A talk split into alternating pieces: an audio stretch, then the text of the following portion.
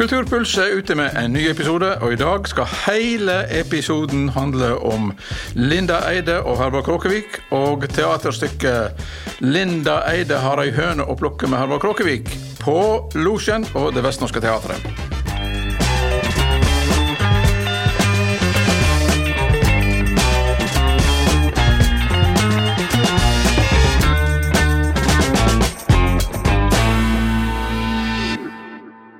Var fin musikk.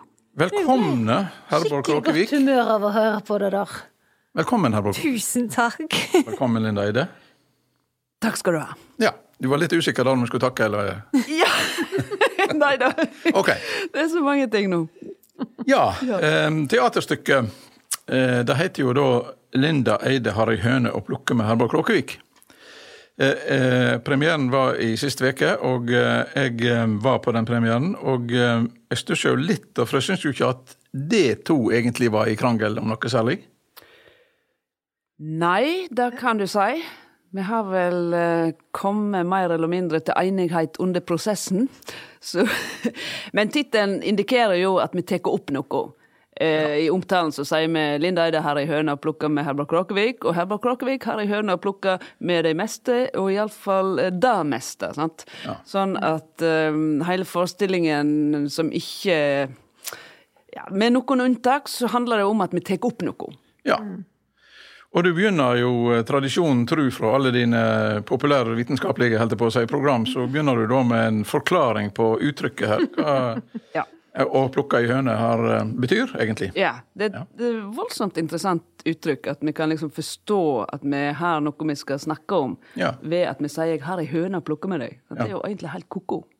Jo, og så høres det jo veldig brutalt ut, da.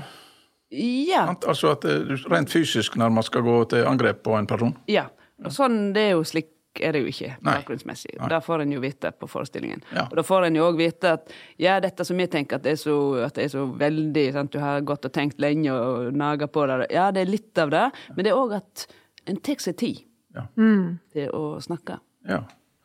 Og du eh, har jo òg en fin liten Du har jo en bror som bor i Holland, og så eh, du hadde jo faktisk den hollandske uttrykket Ja. med i Du kan jo få lov til å si det på hollandsk, og det var Ja. imponerende bra. Ja, for det Ja. Eh, hvis han har ei høne plukka med meg, så sier han 'Linda, jeg har en appeltje med jou te schillen'. Jeg har en appeltje med jou te schillen. Og det betyr altså Jeg har et eple å skrelle med deg. Ja. Så egentlig akkurat samme uttrykket. Når du sitter i fred og ro og jobber, så har det tid å prate om ting. Du må ikke ta det ut mer, da. For Nei, ikke jeg skal ikke det. Jeg skal ikke det. Herborg, Ja. er du ei um, kvinne som lett lar deg eh, ekse opp i raseri over torskeskap og idioti? ja. Da kan jeg svare ubetinga ja til. Og denne forestillingen botner jo i et slags raseri og at jeg og Linda har sett og fyrt oss opp over ting som vi er veldig enige i. Og jeg må jo bare si at eh, veldig ofte når jeg jobber med eh, andre skuespillere eller artister og sånn, så kan jeg ofte være litt sånn nervøs for om jeg skal liksom få fram det jeg har lyst til å få fram verdimessig. For at jeg tenker ja, vi er kanskje ikke helt enige om ting og sånn, men det er veldig trygt å gjøre dette med Linda, for hun er jo sint på de tingene jeg er sint på. Ja.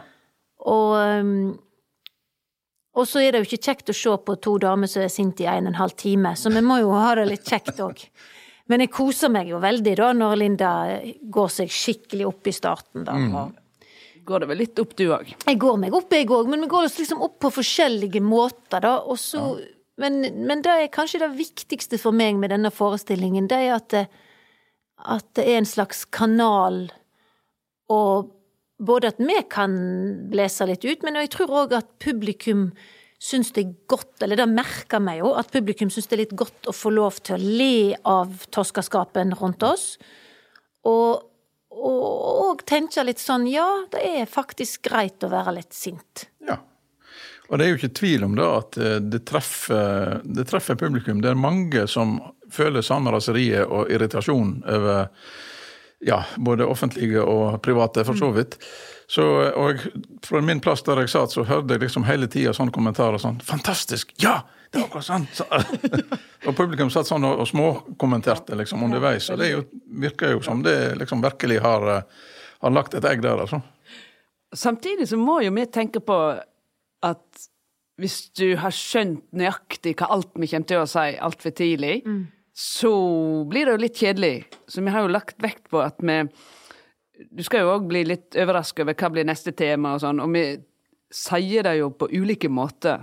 Så det er jo mye sånn eh, ro i forestillingen òg, sånn at en ikke tror nå at vi står der og gauler i 1 time og 20. Men ehm, m- ja, og at musikken bygger liksom opp under de stemningene som det verbale Ja. har eh, satt. da. Ja, for man må ikke glemme at det er en tredje person med i Ja. forestillinga. En eminent trekkspiller, akkordionist ved navn Heine Bugge. Ja. En, Ja, heldigvis. Hvordan eh, Var det det som fikk tak i han, eller var det han som fikk tak i dere, eller hvordan skjedde det? Nei, det var vi som fikk tak i han. Um, og vi måtte jo kjempe litt for å få han til å få lyst til å være med, da. Og det er jo bra. Da viser jo at han har sine ting og kan gå opp i. Men jeg tror eh, det som var viktig for oss, var jo å få tak i en musiker som kunne bygge opp sin Altså, når du er én musiker i en sånn forestilling, så krever det ganske mye av eh, kreativ, altså en kreativ måte å være der på. Komme med musikalske kommentarer og, og, og kunne liksom eh, ja, understreke ting. Og, og jeg syns jo det er veldig kjekt at vi har musikk fra så forskjellige eh, verdener. Sant? Han har jo både begynner og slutter med Astor Piazzolla. Eh, og så er det liksom eh, svensk vise og norsk altså, altså det er mange forskjellige ting. En Grand Prix-låt har vi med, og det syns jeg er veldig viktig, da. Ja. At det ikke liksom er én type musikk, eller Ja. Tipper det var du, Linda, som skulle ha med Grand Prix-låten. ja, og det er ikke hva som helst. Så jeg må sende en hilsen til min Definitivt gode gamle Han er ikke gammel, men han var før i gamle dager var jo han min fløytelærer Øystein Haga. Mhm. For vi hadde en konsert her på Voss, og da hadde han funnet ut at vi delte Eh, samme favoritt i Grand Prix, nemlig Tutte Reconnetra, som Ja. var, vann for Luxembourg, men det var ei fransk dame som heter Anne-Marie David, som sang den. Og jeg har jo skjønt Jeg bare å, jeg elsker den sangen, men jeg har jo aldri helt skjønt hva teksten går ut på. Og det er litt sånn typisk fransk, masse metaforer og bilder Ja. som egentlig det bare går opp i en litt sånn høyere enhet. Og så hadde han oversatt den til denne konserten her på Voss. Da bare leser jeg. Og så prøvde jeg å få han til å bli, gli inn som at han ja, stemte med sangen, da. Eh, Så jeg omarbeida han.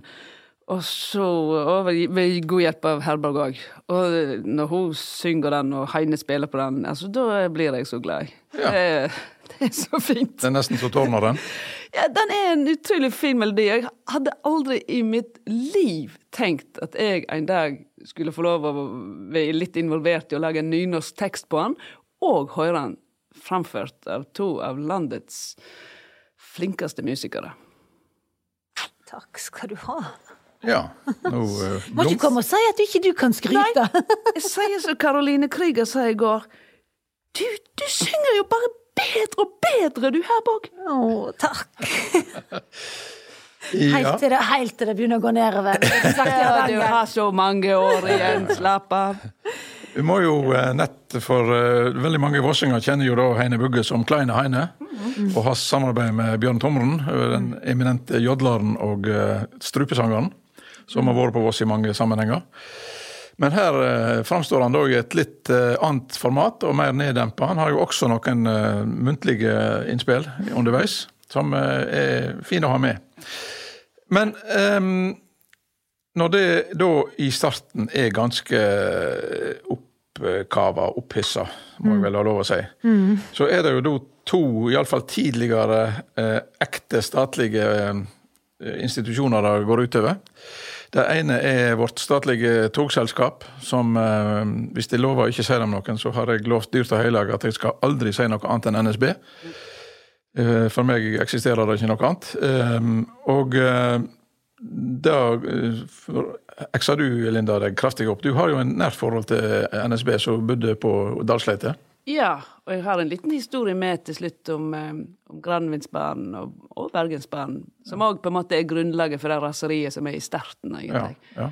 Og det kommer jo av jernbanereformen, som jeg syns er toppen på toskeskap. Jeg må bare si det. At du har et selskap.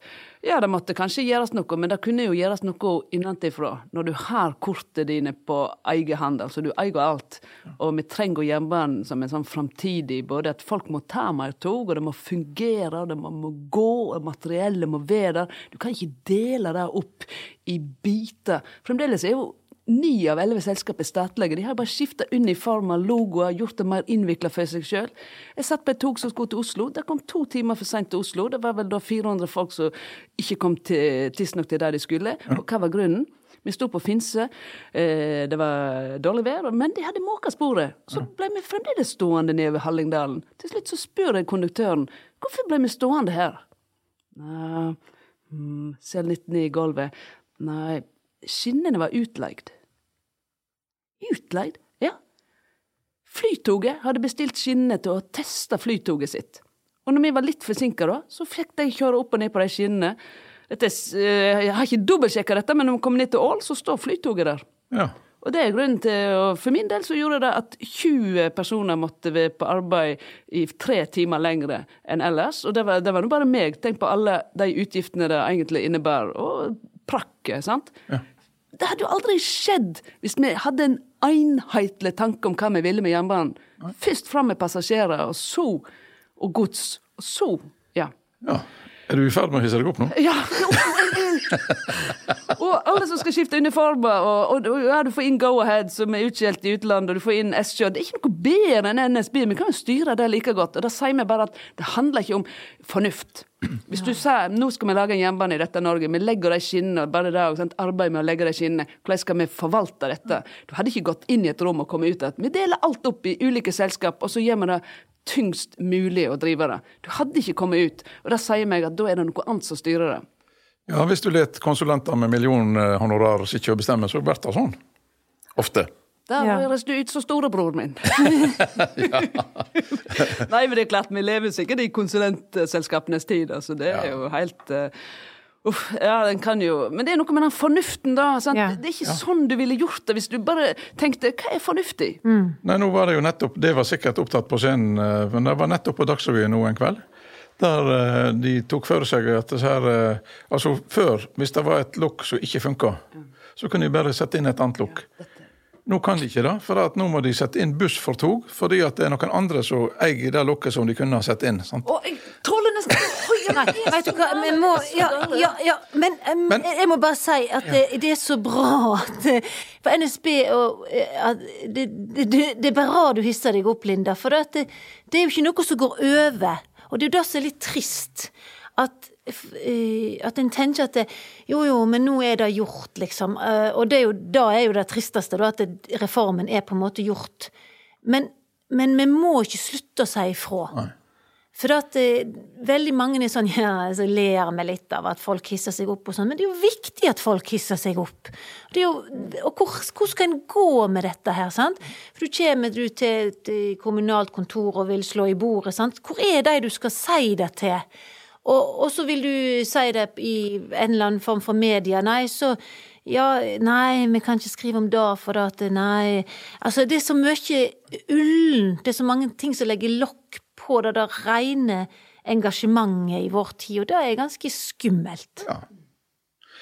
Nå var vel ikke du spesielt opptatt av tog kanskje i din oppvekst i Jondal, men eh, Posten derimot har du et, eh, ei høne å plukke med? Ja, men jeg er veldig opptatt av tog, og veldig glad i tog, og må svelge mange ganger i løpet av den der avslutningsteksten til Linda, for det var jo noe av det store for meg som liten, det var jo å kjøre inn til Granvin og ta banen, og ikke minst å ta eh, hva heter det, restaurantvognene over Ja. fjellet. Men, men eh, ja, nei, jeg tar meg av Posten. Men Ja. jo, hun tar seg jo så kraftig av NSB, så jeg må liksom vege litt opp. Um, eh, og jeg er jo en av de få som driver og skriver brev og sender postkort Ja. og sånn fremdeles. Så da der å finne en butikk som selger frimerke, for Du eksempel. burde da- jo hatt statslønn bare for det, du. Ja. Syns jeg. Ja. Ja. Stipend. Fått flere Ja, ja, ja. Ja, og, men det er jo kjempeviktig. Altså, og det der med for eksempel det der at en skal få aviser ut til, til folk som bor langt vekk. Og der òg er det jo så mye rart. Og dette med at Posten blir har, så Det det ender med i min fortelling, da, det er jo at det er et vikarbyrå fra Haugesund Ja. som utleverer post i Jondal. Og de veit jo ikke hvor disse løgnasene av foreldrene mine bor hen. De bor jo på en gard som Når han Asbjørn i Myhre utleverte post, så visste jo han at eh, ja, det er bratt å kjøre opp der, og jeg må ikke sette bilen der og der. Altså, den lokalkunnskapen er vekke. I tillegg så visste han alt om alle. Ja, det var vel kanskje bakdelen, da. Men, men det er noe med med som Linda sier, altså vi vil jo gjerne gjøre ting bedre. Det er jo Ja. ikke det. Det er ikke sånn at jeg og Linda mener at ting var, alt var bedre før. Men da må en iallfall gjøre det bedre, da. Man må ikke liksom gå inn og så bruke 700 ja, Ja. folk på å gjøre det dårligere. Det er, jo, det er jo bare et symptom, dette med å ta for oss NSB og Posten, men det ligger jo inni en slags Du kan jo kalle det nyliberalisme, eller hva du vil, men bare dette her med at eh, drosjene på Voss, legetjenesten der, sant, at det var et annet firma enn drosjene på Voss og fikk det. Altså, OK, det var sikkert billigere da, men de, de som tok de stakkars syke gamle, de, de var ikke noe trygge, og det skjedde jo De kunne jo spådd det på forhånd, at det ikke var det samme. Og det var mange som spådde det på forhånd. Ja, det var det. Ja, det var det. Og allikevel, så er, om jeg har skjønt det rett, så kan kommunen si at ja, men vi er tvunget av det, sant. Eh, Men det er noe ufornuftig der. Det er noe toskeskap. Ja, det er det. Jeg, jeg elsker forretninger, elsker at folk kan tjene penger og alt det der, men det er, vi kan vel ha to tanker i hodet. At noe funker bedre på den måten, og noe funker bedre med den frie, det frie markedet. Ja. Apropos Ja. eh, gamle postmenn, så i min oppvekst hjemme i Masfjorden så hadde vi et postbud som eh, Han reiste hjemme fra tidlig om morgenen. I starten så sykla han vel på trøsykkel, faktisk, men han fikk seg moped etter hvert. da. Og han var altså bygda sin sosialarbeider, for at eh, på veien til postkontoret så var han innom jo gamle enker og etterlatte, holdt jeg på å si, og så sette han kanskje en brøddeig, eller han fletta ei gammel kone, eller noe sånt. Og så når han var på retur, så stekte han brødene. Og Han eh, brydde seg ikke om hvor lang tid det tok. Nei. Posten kom nå fram i løpet av dagen, sant? så alle var fornøyde. Ja. Så Sånn fungerte det, altså. Og det, den, når det forsvant, så, så mistet veldig mange sin daglige kontakt. Ja. Ja. Det er jo det møtet mellom folk. En gjør jo da Og for her er det masse å snakke om. Ja. Jeg tror, altså, en, det jeg, Nå er det jo veldig kjekt å snakke med deg, for her kan vi nå si det sånn som det er. Ja. Eh, og jeg tror at eh, når jeg flytta til Danmark for 21 år siden, så husker jeg at jeg disku, ofte diskuterte med folk der, for jeg syns de var så veldig opptatt av det de kaller for bunnlinjen. Og, eh, Danskene er jo veldig bra handelsfolk og ganske beinharde forretningstyper. Eh, Så, så jeg husker jeg reagerte veldig på ja, men er det så viktig? Dette handler jo faktisk om eh, ja, det handler om um, sosialarbeid eller sånne ting. Vi skal jo ikke tjene penger på det. Eh, og så, nå, i, i Norge kan jeg jo bare gjøre hva jeg vil, for jeg har så mange oljepenger. Der fikk du hele tiden slengt Ja, ja. etter deg. Ja. Men nå er det jo ikke noe. Nå vil jeg jo si at det er gått så langt i Norge at uansett hva du liksom kommer opp i av saker, så er det siste argument, og det som veier tyngst, det er tjener vi penger på dette eller ikke. Ja. Og sånn skal det ikke være. og det er ikke nok å tjene penger, eller du skal tjene mest mulig. Ja. Ja. Det, det er så påfallende, altså. At det Ja, kunne, altså, klart- det- det kunne vært nok, men det er bare det at uh, det skal være enda mer. Jeg husker for en god del år siden så reagerte jeg fryktelig fra etter at Posten begynte med sine nedskjæringer og rasjonaliseringer, som de kalte det for. Så eh, kom da nyhetene om årsoppgjøret, og da hadde altså Posten et overskudd på to milliarder. Men det var ikke nok. Så det er jo sånn der, når er nok nok? Altså hva De måtte likevel skalere ned en hel masse arbeidsplasser forsvant. Ja. Fra to milliarder i overskudd var ikke nok. Så. Nei. Nei, det er noe Nei, og det er jo noe med språket òg, sant. Eh, Det er jo mange som har påpekt. Men der er det New Public Management-språket. Det har virkelig altså det har infiltrert òg ja, kultur- og kunstens verden. Og jeg jobber jo i NRK, og av og til tenker jo vi når vi lager program og sånt, at vi, vi legger jo veldig sjela vår i det, og vi jobber hardt med det. Og det er jo en slags kunstform, eh, iallfall i noen tilfeller. Ja. Og på et tidspunkt, jeg husker når sjøl jeg hadde lagt et, laget et program eh, Jeg følte jeg hadde virkelig brukt masse tid på det, og stilt meg litt ut, for det ble en debatt, og det handler om eh, gris og griseslakt, og hvordan vi ser på dyr og, og slikt. Og da husker jeg bare at når hele var ferdig, så kommer det tilbake en, e-post e-post fra på en måte bestilleren, da, som det heter nå i NRK. Eh, takk for leveransen. Og det er fint, det, altså. Eh, Men det høres ut som det kunne vært en eh, palle med spiker, det kunne vært eh, hva som helst. Ja. Sånn At vi driver med dette språket som tingler gjør og penger gjør, Ja. og der det ikke er nødvendig. Nei. Ja da. Nei, og det er ikke noe tilfeldig. Det er noen som vil dette her. Det er noen som bevisst Ja. eh, vil at vi skal tenke sånn og sånn. Og, eh, og, og da må vi ikke være for naive for å se. Altså det Jeg tror veldig mange nå ser at det der New Public Management-greiene, hva det har ødelagt. Og hva det har gjort med oss. For det, det er sånn som vi snakker, sånn begynner vi etter hvert å tenke òg. Ja. Ja. Språket former tanker. ja, det er jeg ikke tvil om. Du har ikke tanker før du har språk. Men nok raseri for ei lita stund. i. Absolutt. Her er det sang og glede. Jo, men det er jo litt av det jeg vil inn på nå. fordi at denne forestillinga den inneholder jo en masse aldeles nydelig vakre øyeblikk òg. Det er ikke bare eh, hissighet og, eh, og sinne på scenen. Det er ektefølt sinne, det skal sies, men altså, det er, det er en masse veldig flotte ting. Og da vil jeg først kanskje inn på scenografien, som er gjort genialt enkel. Men så har det da innimellom disse her aldeles nydelige malerier på bakveggen. Hvordan eh, oppsto den ideen? Ja, da begynte faktisk med at eh, Linda hadde valgt ut eh, til det foredraget som hun holder om kjønnsnøytralitet. Ja. Så hadde hun en slutt på det der hun sier så fint 'hvorfor ikke heve blikket', og så kom, kom dette maleriet til van Gogh med stjernehimmelen. Eh, og når han eh, som, eh, som lager lysdesignet, da, så Einar Bjerkøy. Han Ja. er så flink, altså. Ja. Han, han, han- lagde på Oppdrag Motro, så det er Ja. derfor jeg hadde Ja, ja, ja, tall ja. med han. Ja. Ja.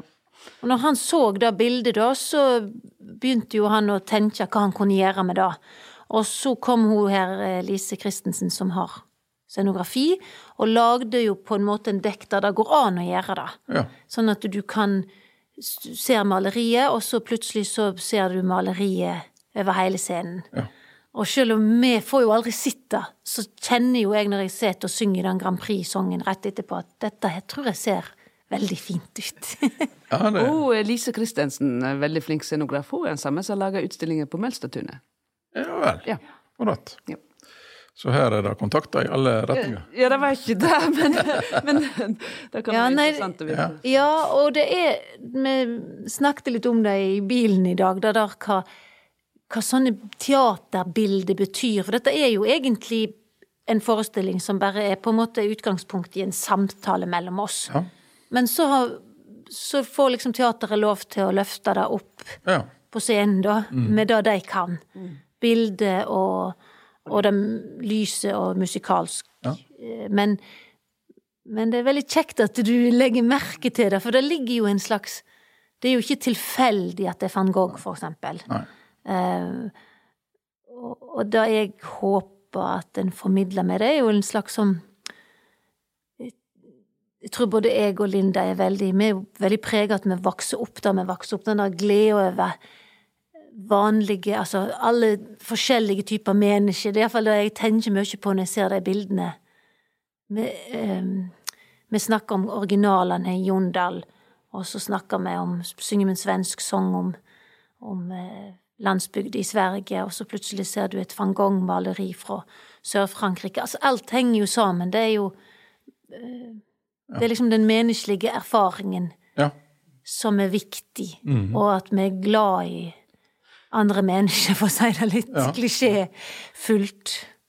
Og så kanskje at, eh, at det alltid vil være noen kvaliteter som er universelle, og som alltid vil leve. Så når ting på en måte her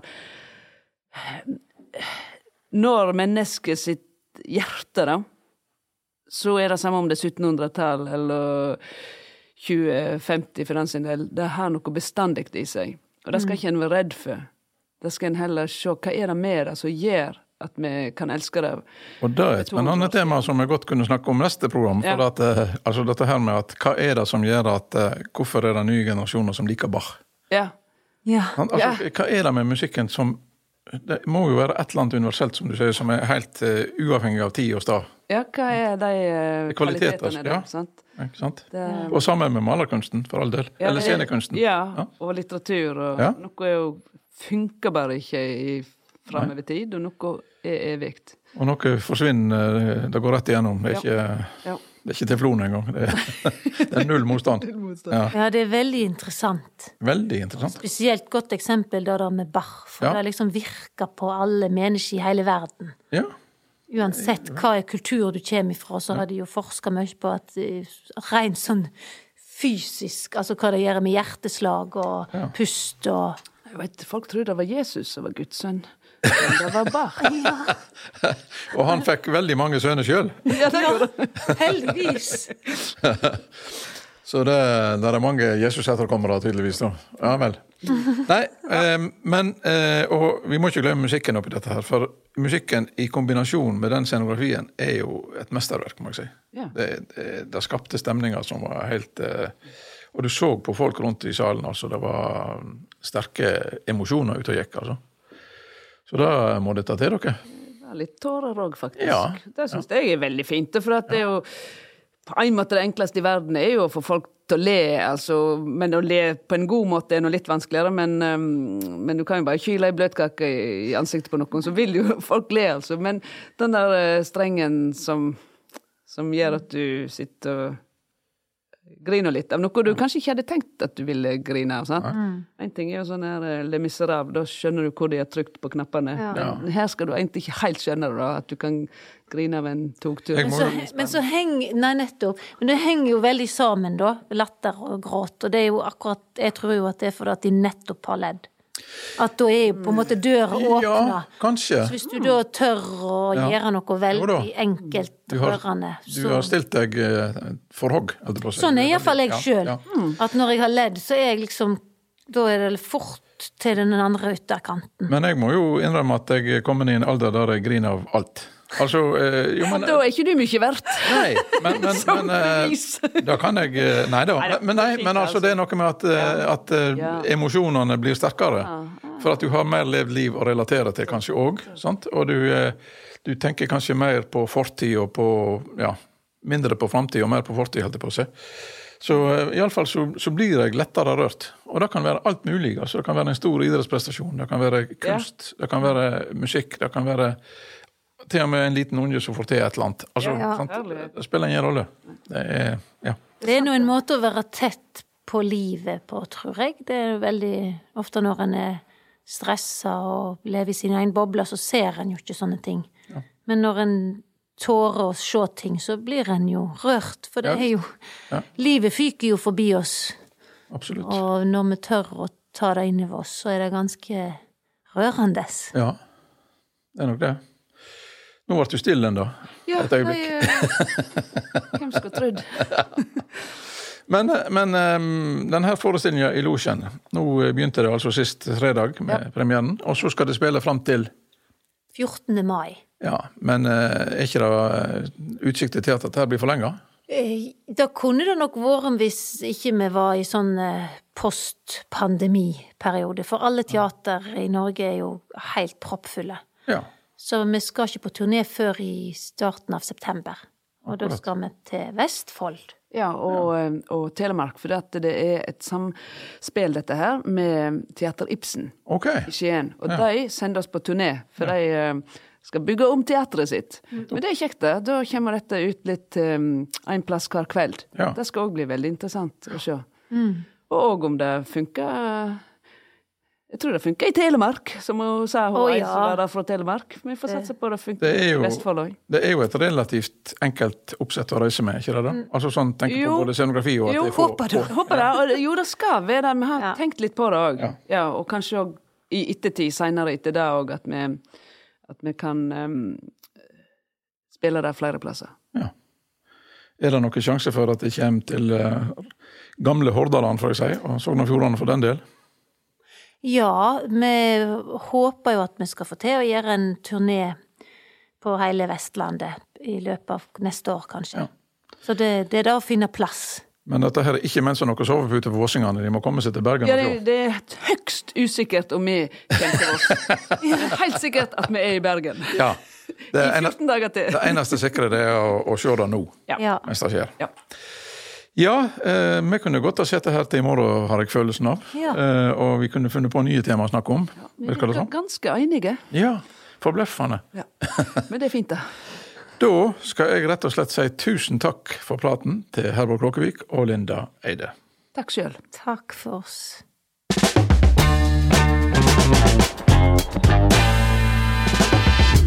Da er vi kommet til veis ende på dagens episode av Kulturpuls. Men ikke fortvil, det er ikke mer enn 14 dager til vi er tilbake. Da skal vi snakke om en Kongens fortjenestemedalje, og så skal vi snakke litt om utfordringene orkesteret Fossegrimmen har hatt under pandemien.